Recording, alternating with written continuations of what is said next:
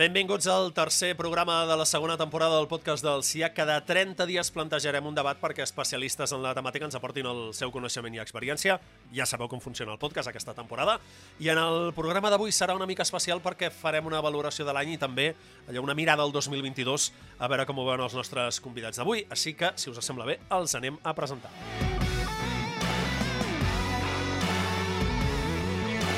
El primer de tots és el Josep Maria Vall, que és president del clúster d'Indústria i Automoció de Catalunya, que ja ha participat ja en diferents ocasions al podcast. Josep Maria, benvingut. Què tal? Bon dia. I el nostre segon convidat és segon convidat o directament copresentador, Josep Nadal, gerent del CIAC. Benvingut, com estàs? Bon dia, Raimon. Doncs com eh, comentàvem una estoneta fora de micròfon explicant una, una mica quin és l'objectiu de, del podcast d'avui, m'agradaria en els propers 25-30 minuts eh, que entre els dos poguéssiu fer una mica de, de fotografia del, del sector, ara que estem ja al mes de, de desembre i així puguem tenir una, doncs això, una imatge, una fotografia més clara i també, si ens dona temps, que espero que sí, puguem allò fer una mirada al 2022, una mica com, com la veieu vosaltres i sobretot com, com percebeu l'estat d'ànim de, de les empreses. I mira, ja que parlem d'empreses, us llanço la, la primera pregunta. Uh, vosaltres que esteu cada dia amb les empreses, que parleu amb elles, que us reuniu, projectes, és a dir, teniu un constant contacte amb les empreses. Uh, com les heu vist al llarg del 2021? Com les veieu ara a final d'any? Les empreses estan cansades, el nivell de producció està, està bé, s'està recuperant. Una mica com veieu les empreses? Josep Maria, per exemple. Anem a veure. Um, malauradament eh, vam acabar el, el 2020 amb el tema de la pandèmia i amb el que va succeir amb el 2020 les esperances estaven posades amb el 2021 doncs, per pensaven que la reactivació arribaria. Sí que amb el primer trimestre d'aquest any 2021 semblava que les coses anaven, anaven bé, però eh, hi han hagut efectes i efectes també derivats del tema de la pandèmia de l'any passat, doncs que alguns han perjudicat tot l'estat, tota la situació del, 2000, eh, del 2021 i uns altres han beneficiat. Quins són els que han perjudicat aquest any 2021? Bueno, tota la cadena logística, tota la cadena, la globalització que té l'automòbil, tota la cadena de logística s'ha trencat i el desabastiment de, de materials ha sigut la tònica predominant durant aquest any 2021. Tant és així que el famós tema de microchips ha afectat a totes les produccions d'automòbils i no solament europees, sinó pràcticament mundials. Possiblement podria posar com a excepció doncs, les empreses xineses o japoneses, però eh, les empreses americanes i les empreses europees han tingut que parar i han tingut que anar parant successivament. Això, tota la indústria de l'automòbil que ha anat enrere, doncs ha tingut que anar seguint els passos de lo que anaven marcant els fabricants de l'automòbil i això ha sigut doncs, una situació encara pitjor que la del 2020. Per què? Doncs perquè moltes vegades les previsions de les fàbriques automobilístiques eren previsions altes, perquè la demanda era alta, però la realitat era que paraven línies de producció i, per tant, al final d'aquest any les, eh, les ventes estaran igual o una mica més baixes que l'any passat. Josep, Sí, la, la veritat és que nosaltres eh, des del clúster muntem aquestes reunions eh, mensuals, que són, en diem top management meetings, molts de vosaltres hi participeu, molts dels oients, i mm, el, el que anem veient d'alguna manera és un termòmetre, un termòmetre de quina és la realitat en quant a, doncs, comentava el Josep Maria, no? producció, temes de preus de matèries primeres, eh, facilitat o dificultats de, doncs, de, de poder-se doncs, poder comprar no? tots aquests materials necessaris per la, per la producció, però sobretot també avaluem, pel que tu comentaves ara, no? eh, Raimon, quin és una miqueta el feeling, estat d'ànim, eh? posem-ho així, també aquest termòmetre a nivell de les empreses. Doncs això és tan o més important que l'altre. No? Al final, les empreses, eh, quan parlem d'empreses, no són les quatre parets i les màquines, que també, sinó són sobretot els seus recursos humans. No? I els seus recursos humans comencen doncs, pel seu doncs, president, director general, etc equip directiu i això al final es va, es va filtrant cap a la resta de l'organització. Jo diria que ara mateix, ara mateix hi ha molta prudència, Vale? Hi ha molta prudència a l'hora de fer previsions. Jo també, no sé si estaràs d'acord, Josep Maria, jo veig molta serenitat vale? des, de, des dels comitès de direcció, des de les direccions generals de les diferents empreses, molta serenitat en el sentit de, de, de tenir clar quins són els, els plans de contingència, és a dir, quina, quina és l'estructura de, de mínims eh, que s'ha d'anar donant perquè les empreses vagin funcionant. La veritat, haig de dir que i haig de reconèixer la enorme eh, labor que estan fent les empreses, no només equips de direcció, sinó jo diria totes les organitzacions, amb tota la part doncs, també de sindicats i agents socials, per intentar adaptar-se a aquestes produccions, a aquestes produccions que arrenquen i paren contínuament, contínuament. Hi ha avisos que a vegades es poden fer en, en dies, no? que es poden planificar en alguna que altra setmana, però que en molts casos ens hem trobat en planificacions pràcticament d'un dia per l'altre o en qüestió d'hores, no? de, de, un, al torn de la nit, avisar al torn del matí que no cal que hi vagin. No? I això, francament, eh, Raimon, eh, és de reconèixer la gran labor no? de tota l'organització d'uns i d'altres per ser capaços d'adaptar-se a, aquests, eh, posem així, en aquests mal de caps que hem tingut, que doncs no són culpa de ningú, posem-ho d'aquesta manera, però que tots els estem patint. No sé, Josep Maria, eh, si estàs d'acord amb aquesta valoració, però jo crec que és admirable, francament. Totalment d'acord, eh, Josep. Jo aquí, no sé, quasi posaria jo, algunes vegades el poso, un símil, no? Totes les empreses saben el que tenen que fer, estan conduint les seves empreses, és com conduir un vehicle, ells l'estan conduint, saben la carretera que tenen que, tenen que conduir i, per tant, l'estan seguint, però a vegades condueixen per la nit i a vegades se'ls hi, se hi apaguen les llums. Però ells continuen conduint i continuen conduint per la carretera i moltes vegades sense veure exactament què és el que tenen davant. Però així i tot continuen conduint molt més difícil que abans. Imagineu-vos el que és conduir per la nit sense, amb una llum tènue, amb una llum quasi, quasi apagada, que és el que està passant ara. No veiem, no veiem un, un, un horitzó clar, però les empreses continuen conduint el seu cotxe. I una de les coses que, que veig, eh, Josep Maria, és que les empreses eh, definitivament no volen renunciar al, a, a, als recursos humans que tenen, és a dir, ningú es vol desprendre de, de personal en aquest sentit, perquè doncs, al final és personal que porta molts anys, en la majoria dels casos, dintre de l'organització, dintre del sector, definitivament, en pràcticament tots els casos, i a més a més, dintre d'aquestes parades i arrencades, doncs, també els fabricants necessiten no? que els tiers 1, tiers 2, no? és a dir, tots les cadenes de proveïdors tingui i conservi, sobretot, i mantingui aquesta capacitat, no? aquesta capacitat doncs, de producció per un costat, però també de, de disseny, no? de disseny i, i de fabricació. No?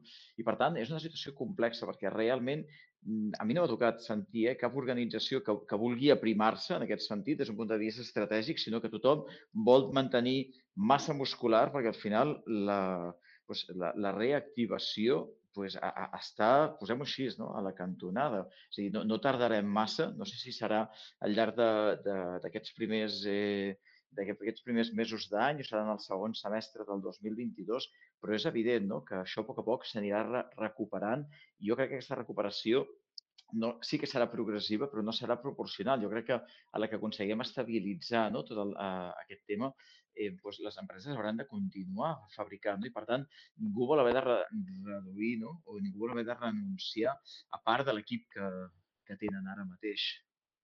Oh, totalment d'acord. Eh? La capacitat de, de decisió per part de, dels nostres socis i en general de la indústria de l'automòbil, la capacitat de decisió no s'ha perdut. O sigui, es continua decidint. El que passa que ara la, la possibilitat de decidir i de decidir bé és més difícil que abans, perquè tens menys informació. Però així i tot es té que decidir i les empreses estan decidint què és el que tenen que fer i com tenen que anar. Molt més complicat, eh? Realment jo diria que ha sigut aquest any 2021 uns dels anys més difícils de la història de l'automòbil aquí a Catalunya déu nhi un bon titular, sincerament. Sí, i la veritat, jo, jo, jo no tinc aquesta perspectiva històrica eh, que, que tens tu, Josep Maria, però sí que és veritat eh, que nosaltres, parlant-ho també amb la resta de, de clústers d'Espanya de, i d'Europa, són dies que, com tu deies, eh, costa, costa prendre decisions i costa, eh, bueno, el que dius tu, no? sobretot tenir informació certera, val? Ja, ja no només de, de la que passava la setmana que ve, sinó en el llarg plaç.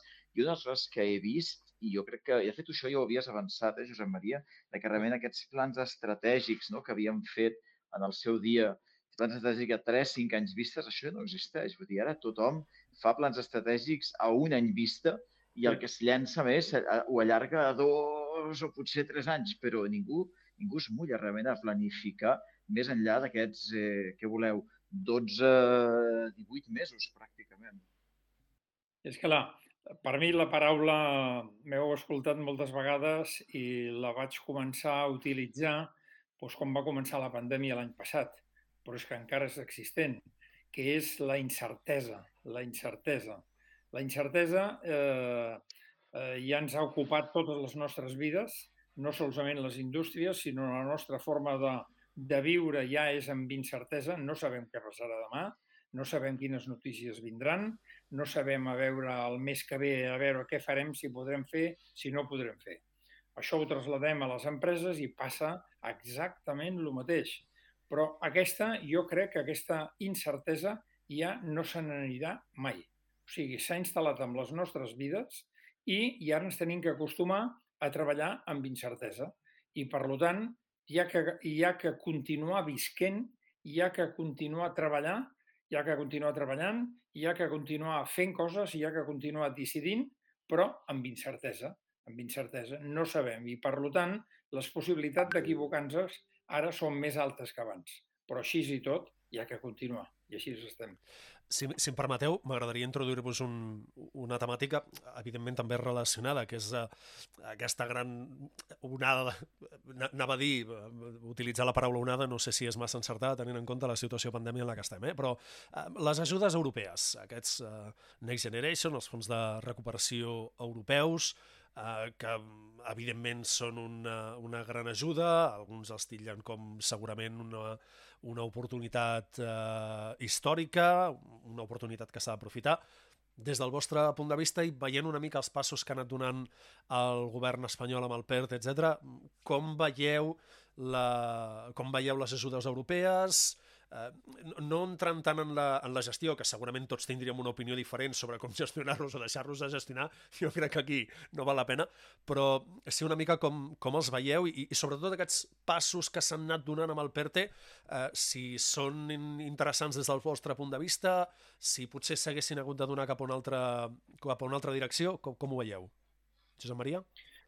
Mira, abans he dit de que el que ens va portar la, el, la pandèmia l'any passat van ser coses negatives, eh, que ja les he dit i les conseqüències són les que tenim aquest any amb la falta de subministraments, amb els microchips, amb l'augment de matèries primeres, amb els temes de, amb els temes de, de falta de, de, de contenedors, etc etc.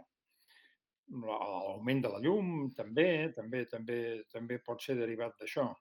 Però mm, hi ha uns altres efectes positius que ens ha portat la pandèmia, que és precisament tots aquests fondos, aquests milions d'euros que la Unió Europea ha llançat precisament per la pandèmia.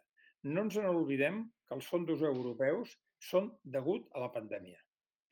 Imaginem-nos què hagués passat si no haguessin tingut pandèmia, perquè la, el, la, la, el canvi que hi ha amb l'automòbil això ja venia d'abans i, per tant, està continuant, una, està portant una trajectòria de canvi notabilíssim, notabilíssim. Imaginem-nos sense fondos com es hagués fet això. Ara sembla ser, tothom està parlant dels fondos europeus i gràcies a aquests fondos europeus es podrà fer aquesta transició de l'automòbil, aquest canvi de l'automòbil, i no solament de l'automòbil, sinó de molts, de molts sectors. Però bueno, ara estem dient, bueno, estem esperant aquests, aquests, eh, els PERTES, tots aquests fons europeus, com es faran. Per mi sempre el que, el que ha faltat aquí, prescindint dels fons europeus, és un pla molt clar de cap on va la indústria de l'automòbil amb el nostre país. Aquest pla encara encara puc dir que encara no l'he vist, no l'he vist clarament. No l'he vist, o sigui, aquesta, aquesta, com jo sempre dic, aquesta autopista que ens tindria que llançar des de les administracions i dient cap a qui anem? Anem cap a l'electromobilitat.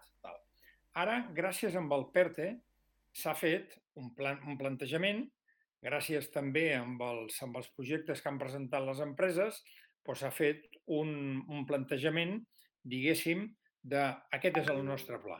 És un nostre pla, però molt dedicat a empreses determinades. bueno, o ho fem bé, ara tindrem el PERTE, o ho fem bé aquesta vegada, o estem perduts. O estem perduts. Perduts en quin sentit? De que realment utilitzem aquests fons europeus per reactivar la indústria i per portar-la on volem portar-la. Amb l'electromobilitat tinguem en compte que som dels darrers països europeus en quant a la, eh, en quant a la fabricació de cotxes elèctrics. Per moltes raons, però som dels darrers països. Com ho fem per accelerar això? El PERTE ens ho portarà aquesta acceleració? Aquí encara tinc dubtes jo. Encara no ho veiem totalment clar.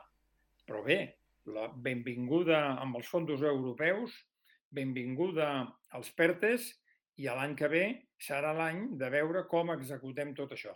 La veritat és que no hem d'oblidar que el PERTE d'automoció és el primer PERTE que el Ministeri ha aprovat aquí a Espanya. No? Ara en continuen altres. Avui ha sortit a les notícies de que el tema de l'hidrogen, junt amb altres energies renovables, ja està també pues, en marxa, no? perquè serà un dels eh, propers. Però el tema de, de l'automoció és una de les prioritats que tenim ara mateix. I aquí coincideixo 100% amb el que estaves dient.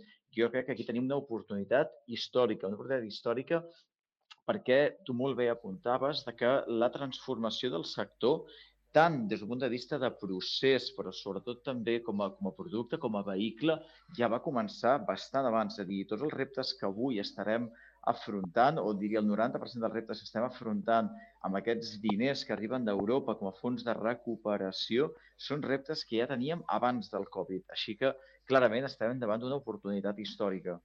Jo no voldria ser dramàtic vale? ni exagerat, però jo m'atreviria a dir, no sé si estàs d'acord, eh, Josep Maria, de que si deixem passar aquesta oportunitat que tenim ara mateix, probablement estarem condemnant els propers 8 o 10 anys d'indústria de l'automoció. Vale? I no sé com seria una altra oportunitat similar amb aquesta. No sé si coincideixes amb això. Sí, sí, totalment, totalment. Tinguem en compte una cosa, eh? Nosaltres aquí al costat tenim la planta de SEAT. No és, no és casual, no és casual que, que el president de Volkswagen, el president de SEAT, pues, hagin dit de que van a muntar 500.000 cotxes elèctrics al 2025.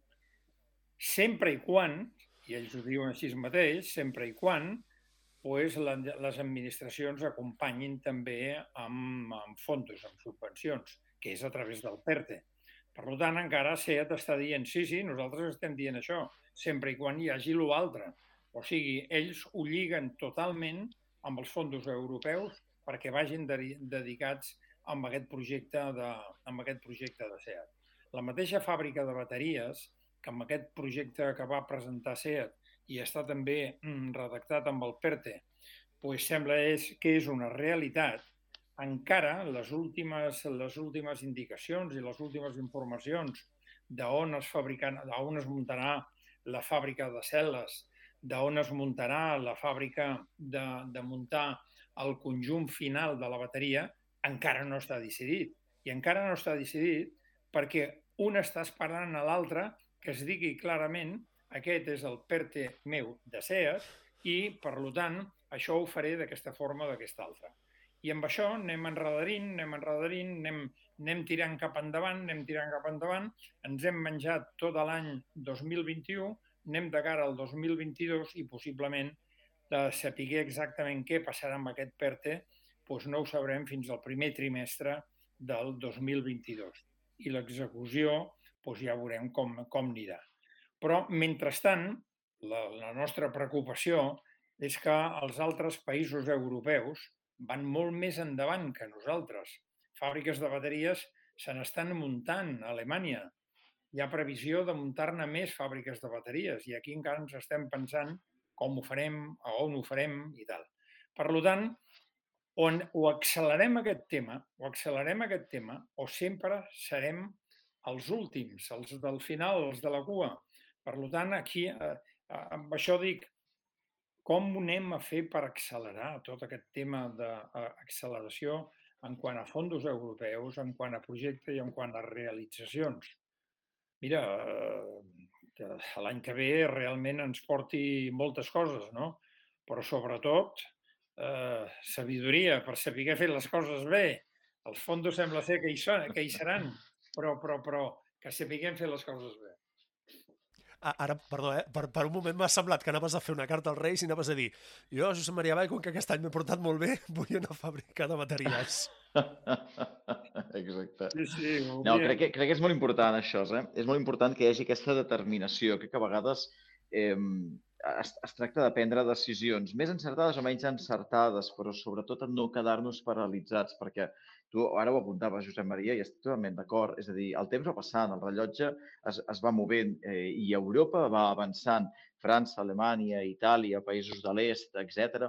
Van, van prenent decisions i van tirant endavant. Algunes més encertades, altres menys. I el que no podem fer aquí a Espanya, a Catalunya en particular, és quedar-nos paralitzats. Necessitem avançar. Necessitem avançar en una direcció o en una altra, però anar, anar prenent decisions i anar avançant, perquè el, poder, el pitjor que podem fer és quedar-nos paralitzats, perquè aquí hi ha aquella frase eh, que tots coneixem que diu que lo, lo mejor és enemigo de lo bueno. No? Per fer-ho perfecte estem totalment immòbils, paralitzats, no? I realment costa veure aquest sentiment de progressió. Així que necessitem començar. I si sobre la marxa ens equivoquem, ja anirem millorant, anirem polint aquestes decisions, no? amb aquesta flexibilitat eh, que jo crec que el sector de l'automoció ha anat demostrant i segueix demostrant que, que té per adaptar-se, però és indispensable que això s'estigui posant en marxa immediatament, perquè si no estarem deixant enrere una oportunitat molt important. A més a més és una oportunitat que jo diria, eh, coneixent les empreses d'aquí de Catalunya i també coneixent gran quantitat d'empreses de la resta d'Espanya, jo crec que el sector d'automoció està preparat per prendre aquest repte, no? per fer-lo seu i tirar-ho endavant. Però realment aquestes ajudes que, que estan per arribar, bueno, que les tenim ja a disposició i esperem que aviat eh, comencin a circular, comencin a posar-se en marxa, són necessàries per tenir aquest impuls, perquè si no estarem en desavantatge respecte als països d'Europa. De, pel que us he escoltat en altres ocasions i, i pel que esteu comentant ara, la sensació que em dona és que més o menys la indústria té clar el camí o algun dels camins pels quals es, es podria anar és eh, podem anar per aquí, pila combustible, elèctric, eh, podem anar per aquí, necessitaríem això, necessitaríem allò. És més o menys, com, com ara apuntava el Josep, eh, doncs, amb més o menys encert, doncs, es té més o menys clar cap a on es voldria anar o que la indústria cap a on creieu que, que s'ha d'anar, però la sensació és que en, en el moment que entra administració pública, de qualsevol nivell, eh? aquí no, no culpo ningú, és administració pública de qualsevol nivell, la sensació que dona eh, és que eh, és com si de cop poséssim el fre de mà o, o com si amb perdó, eh, d'anar a 80 passem a, passem a 30 o a 20 eh, i, i tot el procés s'alenteix molt. No, no sé si és realment així quan si teniu la mateixa, la mateixa sensació. És a dir, que la indústria podria una velocitat més ràpida, però evidentment eh, en projectes que impliquen una indústria important com és el sector de l'automoció, el paper o el rol de l'administració pública també és important, però en el moment que s'entra entra en joc aquest rol, tot es complica més, tot s'alenteix més. No sé si és així o és una percepció que només tinc jo bueno, aquí hem, hem, de reconèixer una miqueta les, les diferències eh, dels, dels, de, dels dos estaments eh, que tu defineixes, no? indústria privada, sector públic. I el primer és aclarir-nos, és a dir, el sector públic no, no liderarà aquesta transformació, l'han de liderar les empreses, ha de ser iniciativa de les empreses, la necessitat i els processos els han de, de definir i viure les empreses l'administració pública està per, per apoyar, per recolzar, no? per, per donar suport, per donar cobertura per aquells aspectes on la indústria necessiti recolzament, en part, en part eh, d'aquest recolzament, tampoc és tot responsabilitat de l'administració pública, però en part aquest recolzament el poden trobar aquí. Val? Però realment el lideratge, val? qui porti miqueta, que hagi d'anar marcant el ritme ha de ser la indústria. Bueno, eh, ho ha sigut sempre i ho ha de seguir sent la indústria privada. No, no podem esperar que l'administració aparegui amb una vareta màgica i resolgui aquests problemes, ni de lluny. Val? Però el que sí que és veritat, i amb això sí que estic d'acord amb tu, és que és veritat que indústria i administració van a ritmes diferents. Sí? I això, lluny de, de queixar-nos d'això d'aquí, el que hem de fer és tenir-ho present i contemplar-ho dintre dels fulls de ruta i, i intentar veure de dir, escolta, mira, el que necessitem nosaltres és això, a partir d'aquí anem a ajudar a l'administració perquè ens ho pugui oferir de la millor manera possible. I jo crec que això és una de les tasques que la indústria ja fa i nosaltres com a aglutinadors eh, d'aquesta indústria intentem estar molt a sobre. Nosaltres tenim una relació molt estreta amb la Generalitat i comencem a tenir-la també eh, no tan estreta, però també bastant, bastant estreta amb el Ministeri. Però la, la visió jo crec que no és una visió d'anar-los a demanar, molt menys de reclamar-los, sinó d'ajudar l'administració amb les decisions que ha de prendre i intentar que siguin amb la, amb la màxima celeritat.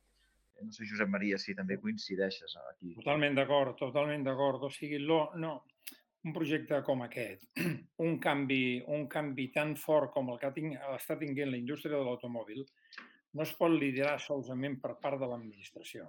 El lideratge té que ser de les empreses. Però les empreses ja ho estan fent. Tinguem en compte que les empreses de l'automòbil, els fabricants de l'automòbil, són empreses multinacionals, amb centres de decisió en diferents països. Aquestes empreses estan tirant endavant, saben, saben el que tenen que fer i saben com, com ho tenen que fer. Les administracions públiques tenen que ser facilitadors d'aquests canvis que estan, que estan donant les empreses. I amb això, és clar, moltes decisions es prenen pues, no perquè mm, falti un projecte per part de les empreses que hi els tenen, sinó que per part de les administracions les administracions que faciliten més aquest canvi són les que s'emporten al final el, el, el, la fabricació del, de l'automòbil, la indústria. I, per tant, unes, uns, uns, unes, eh, a Europa mateix hi ha països doncs, que estan tirant més endavant que uns altres gràcies a que les administracions faciliten més aquest canvi que estan donant les empreses. Aquí a Espanya pues, eh, som una mica lents en aquest sentit. Lents en el sentit de que eh, sí, escolto, però moltes vegades decideixo i això pues, no deixo que intervinguin uns altres i, i, i, i no som tan ràpids. No som tan ràpids, no es dona pas a les empreses de dir, escolta'm, aquest tema te'l deixo a tu i jo et facilito a, a que el que tu facis pues, vagi per bon camí ens estem quedant ja, ja sense temps, pràcticament portem mitja hora de, de podcast, ens passarem uns minuts, però sí que abans d'acabar us demano a tots dos, i, i si vols uh, comença Josep Nadal i, i acabes Josep Maria o invertiu els papers, no, no tinc cap problema. Una mica de fotografia de cara al 2022, ja que estem a prop de, de cap d'any i ens desitgem sempre els millors desitjos de cara al 2022 per la indústria. No tant desitjos, eh, sinó una mica com veieu aquest 2022. Vosaltres des del CIAC, i repeteixo aquesta relació constant que teniu amb, la, amb les empreses. Com veieu, com es veu en el sector el 2022? Home, jo diria, eh, Raimon, que aquest 2022 és, és, és l'any de passar a l'acció. És a dir, hem passat un 2020 molt particular eh, on estàvem d'alguna manera ubicant-nos dintre de tota aquesta situació amb cara d'incredulitat, eh, front a algunes de les situacions que es van, ens van tocar viure a títol personal i professional, tots plegats. 2021, comentava abans el Josep Maria, ha estat un any on sumar, s'ha començat a, veure les conseqüències de, de tota aquesta situació no? de, de Covid, de parada, no? les conseqüències de tota aquesta situació que hem anat vivint, no? a través de l'increment de matèries primeres, els preus, a la falta d'aprovisionaments i una sèrie de dificultats que s'han donat. 2022 eh, és l'any, ha de ser l'any per posar-nos en marxa. És a dir, abans, i m'ha agradat molt eh, l'analogia que feies, eh, Josep Maria, aquest 2022 qui, eh, seguirem foscos en alguns temes, seguirà sent de nit, eh, tindrem alguns moments una miqueta més de llum, altres no tant, però és un any on toca posar-se en marxa. És, és un any que aquí aquest any no se'l plantegi com un any d'arrencar i amb força, amb projectes, i empreses que ho estan planificant i ho estan ja començant a executar molt bé, eh, perdran el tren. És a dir, aquest any, qui no tingui ja la maleta feta, eh, la, la motxilla preparada, i es posi a caminar amb o sense inclemències, eh? amb o sense les, les circumstàncies que li agradaria, perdre el tren. Perdre el tren en molts aspectes. Per tant, és un any que s'ha de, de fer tripes corazón, s'ha de, de fer un miqueta de balanç i dir, escolta, què és el que sé, què és el que no sé, i el que no sé, quina és la probabilitat de que pugui ser d'una manera o d'una altra, i s'ha d'agafar embranzida. Per 2022 ha de ser un any on les empreses, eh, almenys el que jo estic veient, que hi ha empreses que estan preparant molt bé per arrencar aquest any, tenen una visió, una visió amb la informació que tenen ara mateix, amb una flexibilitat màxima, una flexibilitat òptima, a més a més, que ja s'han anat cultivant, de manera de dir, bueno, i a la mesura que tinguem miqueta més d'informació, si cal canviar decisions, les anirem ajustant, vale? sense cops de timó, però sí les anirem ajustant, però en tot cas de posar-se en marxa. Estic de, totalment d'acord. Eh? Jo crec que el 2022 és un any d'oportunitat. És un any d'oportunitat. Tot el que s'ha treballat abans ara té que, ara té que, té que començar a sortir el sol. Eh? I, I té que ser un any d'oportunitats. Per què? Perquè tot això que ha estat passant amb el 2021, a conseqüència de la pandèmia, això que estàvem parlant abans, de, de, de, de falta de microchips, de parades de línia i tal, això es anirà estabilitzant això es anirà estabilitzant. No dic que s'estabilitzarà l'1 de gener, però al llarg de l'any es anirà estabilitzant i es anirà solucionant. O sigui, hi haurà, hi haurà, no hi haurà tantes parades de línia, eh, la cosa estarà molt més planificada i, per tant, els fabricants i els industrials sabran, sabran el que tenen que fer. Això per una banda. I per l'altra banda, aquí a Catalunya pensem que ja venia també, precisament de l'any de la pandèmia del 2020, la decisió de Nissan d'anar-se'n. Això s'ha demorat molt i estem acabant el 2021 sense decisió de veure quin serà l'inversor futur de la planta de Zona Franca. bueno, pensem de que això, eh, al començament del, del proper any, es tindrà una decisió. Es tindrà una decisió i hi haurà un nou inversor. No és per falta d'inversors i per falta, per falta de que hi hagin possibilitats d'invertir, sinó que d'inversors ja n'hi han, l'únic que fa falta és decidir qui és el que anirà. Començament d'any ho sabrem i, per tant, es començarà a treballar en aquest sentit. Hi haurà oportunitats per moltes indústries que han deixat de subministrar a Nissan. I, per l'altra banda, tot això que hem parlat del PERTE, el PERTE amb el primer trimestre del proper any es posarà en marxa i, per tant, aquí veurem com la indústria, que suposem que serà SEAT, arrastrarà també a, totes les, a tots els petits industrials. Per tant, és un any d'oportunitats. Siguem optimistes. Ara sí, ara sí que vindrà l'any bo i, per tant, escolta, jo només puc dir pues, eh, que tingueu bon Nadal, cuideu-vos a tots amb el tema del Covid i, i l'any que ve i l'any que ve estarem aquí un altre cop per felicitar-nos i per dir que les coses van bé. Esperem que, que sí sigui. Uh, us agraeixo a tots dos la vostra disponibilitat per uh, fer aquest tercer programa i uh, el mes de desembre i així fem una mica de... tancàvem l'any i en fèiem una mica de valoració aquest 2021. Uh, igualment, us desitjo bones festes a, a vosaltres que us tinc aquí al davant, però també tota la gent que ens estigui escoltant i seguint una mica el fil que deia el Josep Maria, sobretot, sobretot no m'abaixeu la guàrdia. Vull dir que us asseguro no entrarem en temes personals, asseguro que això no és cap broma. Uh, Cuideu-vos molt i nosaltres ens sentim d'aquí, ens escoltem d'aquí 30 dies amb una nova temàtica, que per cert en tenim una dependent, que és la dona dintre la, la indústria, que això amb el Josep Nadal, que és copresentador, codirector i una mica de tot en el podcast, ho anirem parlant a veure una mica com, com s'enfoca i el mes de gener tindreu un altre, un altre capítol del podcast. Gràcies a tots dos. Gràcies, bones festes.